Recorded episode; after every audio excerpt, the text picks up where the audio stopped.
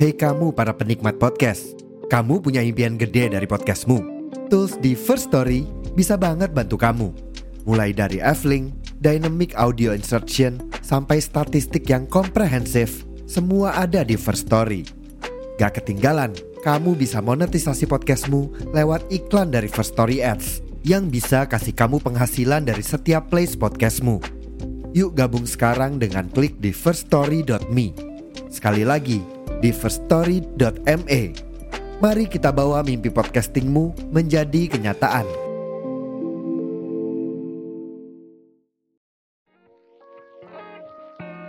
Kalian sedang mencari hostingan terbaik dan mudah dalam memonetize.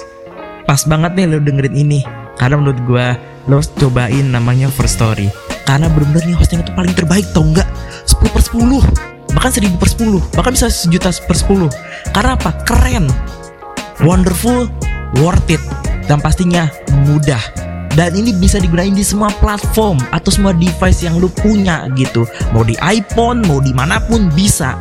Bahkan lu bisa mendetailkan pendengar lu. Dengan cara apa? Lu tinggal gunain aja first story lu bisa tahu dari situ. Dan lu bisa mengeksplor semua semua pendengar dari episode-episode podcast lu.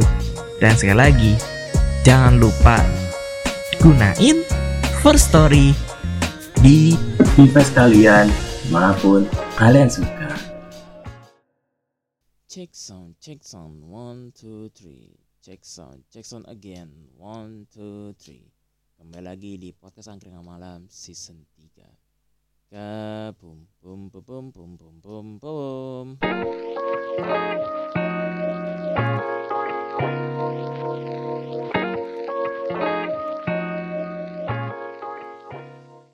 Oke, Hmm, gimana kabar kalian semua? Semoga baik-baik aja. Yang lagi sedang menikmati hidup, yang dinikmatin aja. Yang sedang fasenya apa namanya? Merasakan arti kesalahan hidup, ya udah jalanin aja. Aku juga sama kok. Sekarang juga lagi fase lagi mas-mas banget gitu. Dan apa namanya ya? Ada beberapa langsung aja pembahasan ya. Karena kalinya sepertinya sih episode ini hanya beberapa menit doang sepertinya. Tapi ya semoga jangan enggak. Jadi eh, gue merasa gitu gue merasa bahwa 2023 bulan Juni itu semakin apa namanya menemukan titik ketidakpuasan gitu. Mungkin terhadap pemerintah mungkin terhadap kehidupan terhadap sistem pendidikan sistem keuangan bla bla bla. Ini mana itu penyebabnya adalah satu adalah apa kurangnya membaca kurangnya menulis itu. Kenapa gue bisa katakan seperti itu? Karena gini, pada saat era-eranya manusia purba itu kan sudah dikatakan bahwa kesenian dan lain itu meskipun dia merasakan bahwa aduh dulu gue diserang marmot nih, gue diserang oleh harimau gitu. Tapi orang-orang sana tuh cukup senang gitu. Cukup senang dengan di sini adalah dia mampu dalam berseni gitu ya meskipun mungkin pada saat itu dia keadaannya nggak mungkin nggak bisa dikatakan sedih mungkin nggak bisa dikatakan sedang tapi biasa aja ya. Tapi ya dia senang senang karena dia sudah bisa mengaplikasikan itu ke dalam tulisan apa ya gambar ke goa gitu. Apalagi ke daerah bangsa Sumeria ini mana menggunakan aplikasi dalam bentuk aplikasi ini adalah sistem kepenulisannya ya kan? Habis itu di upgrade dengan teknologi pikiran ya kan karena kenapa gue bilang teknologi pikiran? Karena dulu teknologi itu berasal from your brain gitu, from idea, from uh, apa ya ilmu yang sudah lu baca dari sebelum-sebelumnya. Kayak ibarat kata kayak referensinya lah seperti itu ya kan? Habis itu dia tuh bisa menggambarkan kejadian di masa apa ya lalu dan dia bisa menerapkan pada era sekarang seperti itu. Dan apa korelasi terhadap sekarang yang, yang tadi terhadap kayak ketidakpuasan ketidakpuasan. Karena kita lupa bahwa manusia itu sebaiknya adalah belajar dan membaca. Supaya apa? Supaya kita mampu meng apa ya? Ya apa namanya ya bahasanya ya? Kayak lebih menghadapi suatu masalah itu tuh dengan senyum dengan enjoy ya kan? Bahkan di salah satu eh, ilmu stoiknya bahwa jika ada apa ya namanya ya di dalam salah satu ini gue kutip dari buku filosofi teras mengatakan bahwa masalah besar itu kalau bisa dilihat dari output dan inputnya. Jika outputnya lu malah kesel, mending lu jangan dipikirin. Tapi jika lu pikirin secara input tapi benefitnya secara positif, nanti lu akan mendapatkan kebahagiaan. Plus kau bisa dilakukan dengan dikotomi kendali supaya lu bisa mengkontrol sifat lu menjadi yang lebih apa ya, yang lebih stabil lah. Supaya supaya lu tuh nggak tiba-tiba jor, tiba-tiba marah-marah, tiba-tiba malah jadi emosian, tiba-tiba malah jadi kayak mutungan gitu. Jadi enjoy aja seperti itu. Bahkan untuk teman-teman gue yang setiap hari menolep bahkan gue melihat teman gue nolep aja kayak itu bentuk kayak kebahagiaan yang menurut gue tuh paling tinggi. Karena apa? Meskipun dia lagi banyak masalah meskipun dia lagi lagi menghadapi suatu tantangan yang besar tapi dia apa ya di bawah santai gitu. Dengan ya kayak nonton anime ya kan. Nah terus apa korelasi terhadap apa tentang tadi tentang apa sih Sumeria dan lain. Nah itu bisa bentuk kita belajar bahwa oh dulu nih kita belajar bahwa orang bangsa Sumeria itu menerapkan apa nulis dan membaca supaya bisa memahami keadaan sekarang gitu. Bahkan yang sekarang pun juga seperti itu. Ya kan? Apalagi nanti kita akan kedatangan lagi nih suatu event besar itu adalah pemilu 2024 yang di mana dua paslon itu adalah Pak Ganjar dan Pak Anies sorry ada tiga kayaknya Pak Ganjar, Pak Anies dan Pak Prabowo gitu. Yang sampai saat ini belum menemu wakilnya. Tapi ya gue nggak gue nggak begitu detailin terhadap namanya apa sih ini si pemilu 2024 ini. Karena menurut gue juga bukan di ranahnya gue jadi gue tetap next selanjutnya kita pindah lagi ke apa namanya pindah ke daerah pendidikan gitu. Kemarin itu gue sama teman gue gitu. Gue dan temen gue ini berdiskusi mengenai sebenarnya pendidikan kita di, di Indonesia itu sudah sudah prefer membaik atau prefer tidak membaik gitu.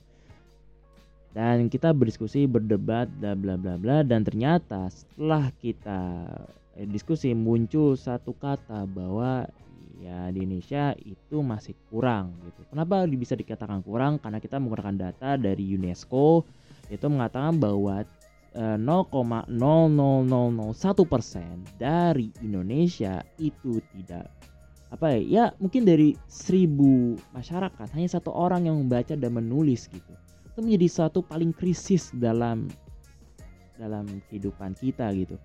Lu sudah dicap cuy gitu. Meskipun sudah di apa ya sudah dikena identitas apa sudah kena labeling oleh oleh seorang tapi lu harus bisa merubahnya gitu. Dengan cara apa? Ya lu baca gitu. Bahkan di salah satu podcastnya si Pak Gita Wirjawan mengatakan bahwa kalau bisa tuh anak remaja itu membacalah satu buku sehari gitu. Ya nggak nggak nggak hanya satu buku sehari maksudnya apa ya? Ya per lembar itu nggak apa-apa lah. Lu besok ganti lagi besok ganti lagi besok ganti lagi. Nggak apa-apa gitu.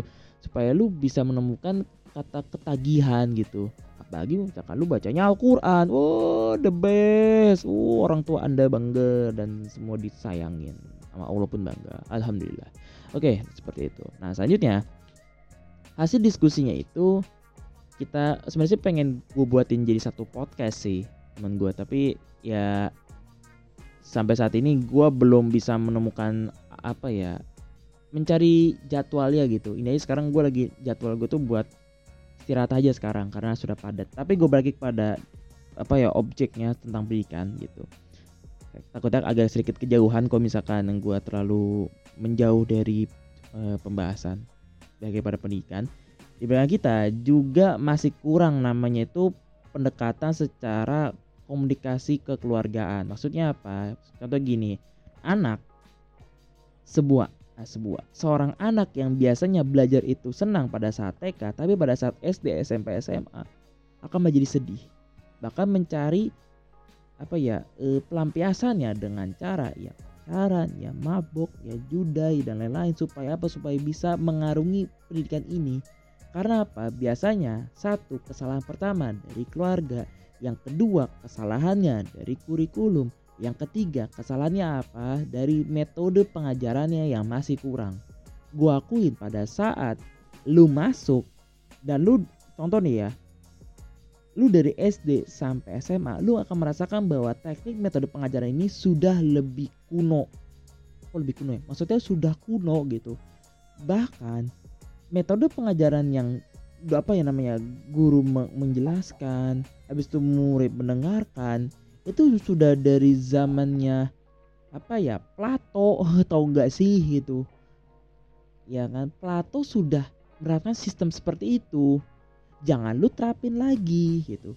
Kenapa gue ngomong vokal tentang ini? Karena kita butuh namanya update. Tidak hanya sekedar teknologi tidak hanya sekedar kita baca kita ikut lomba kita menang tapi lu nggak bisa mengaplikasikan mengaplikasikan itu terhadap kehidupan lu gitu. Kenapa? Begini.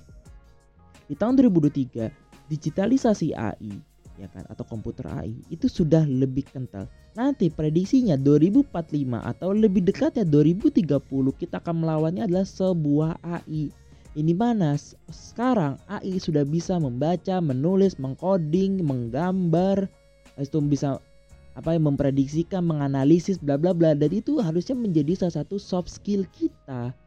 Menjadi seorang manusia.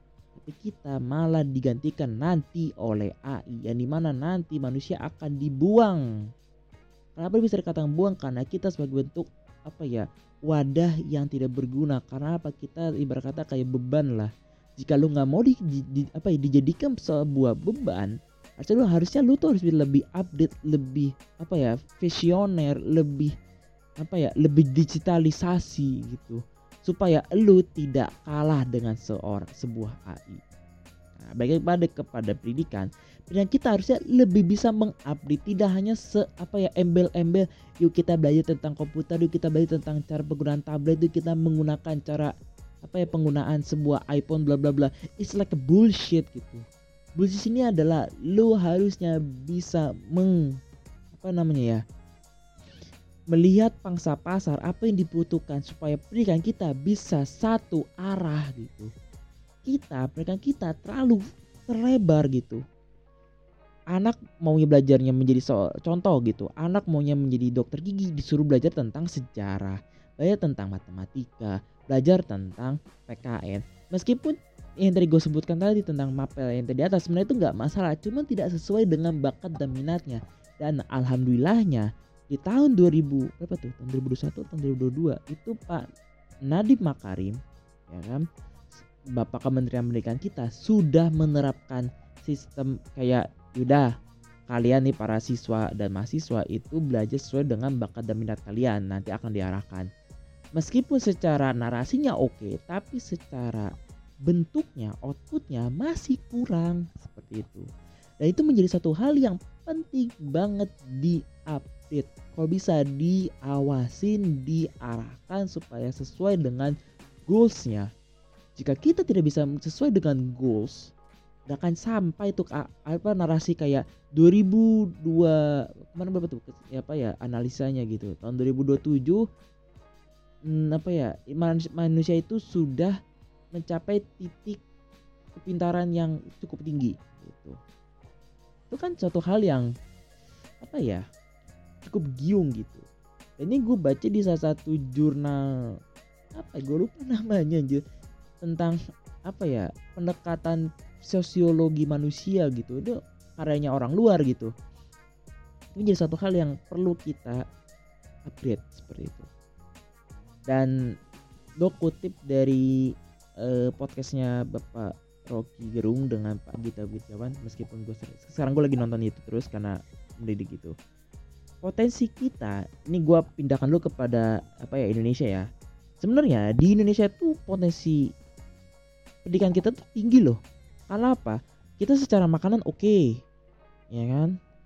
SDM-nya oke. Okay, tapi ada satu yang paling kurang adalah kurikulum yang tidak bisa apa ya lebih bisa menggait para mahasiswa dan siswa untuk bisa belajar gitu.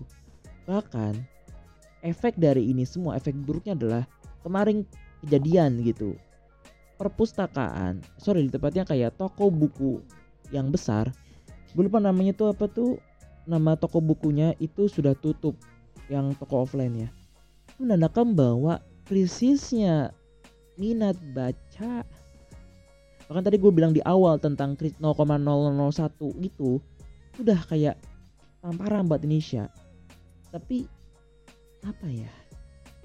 Gue agak sedikit resah gitu kalau misalkan kita sebagai anak muda gak bisa mengupgrade itu ke pada kehidupan kita.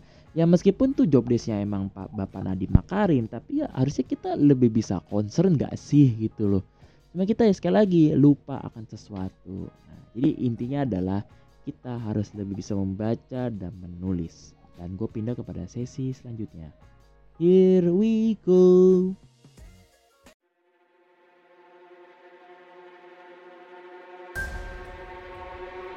Oke, karena kita sudah di, di penghujung acara, jadi gue bisa ngambil kesimpulan bahwa membaca dan menulis adalah salah satu metode paling penting dalam hidup kita.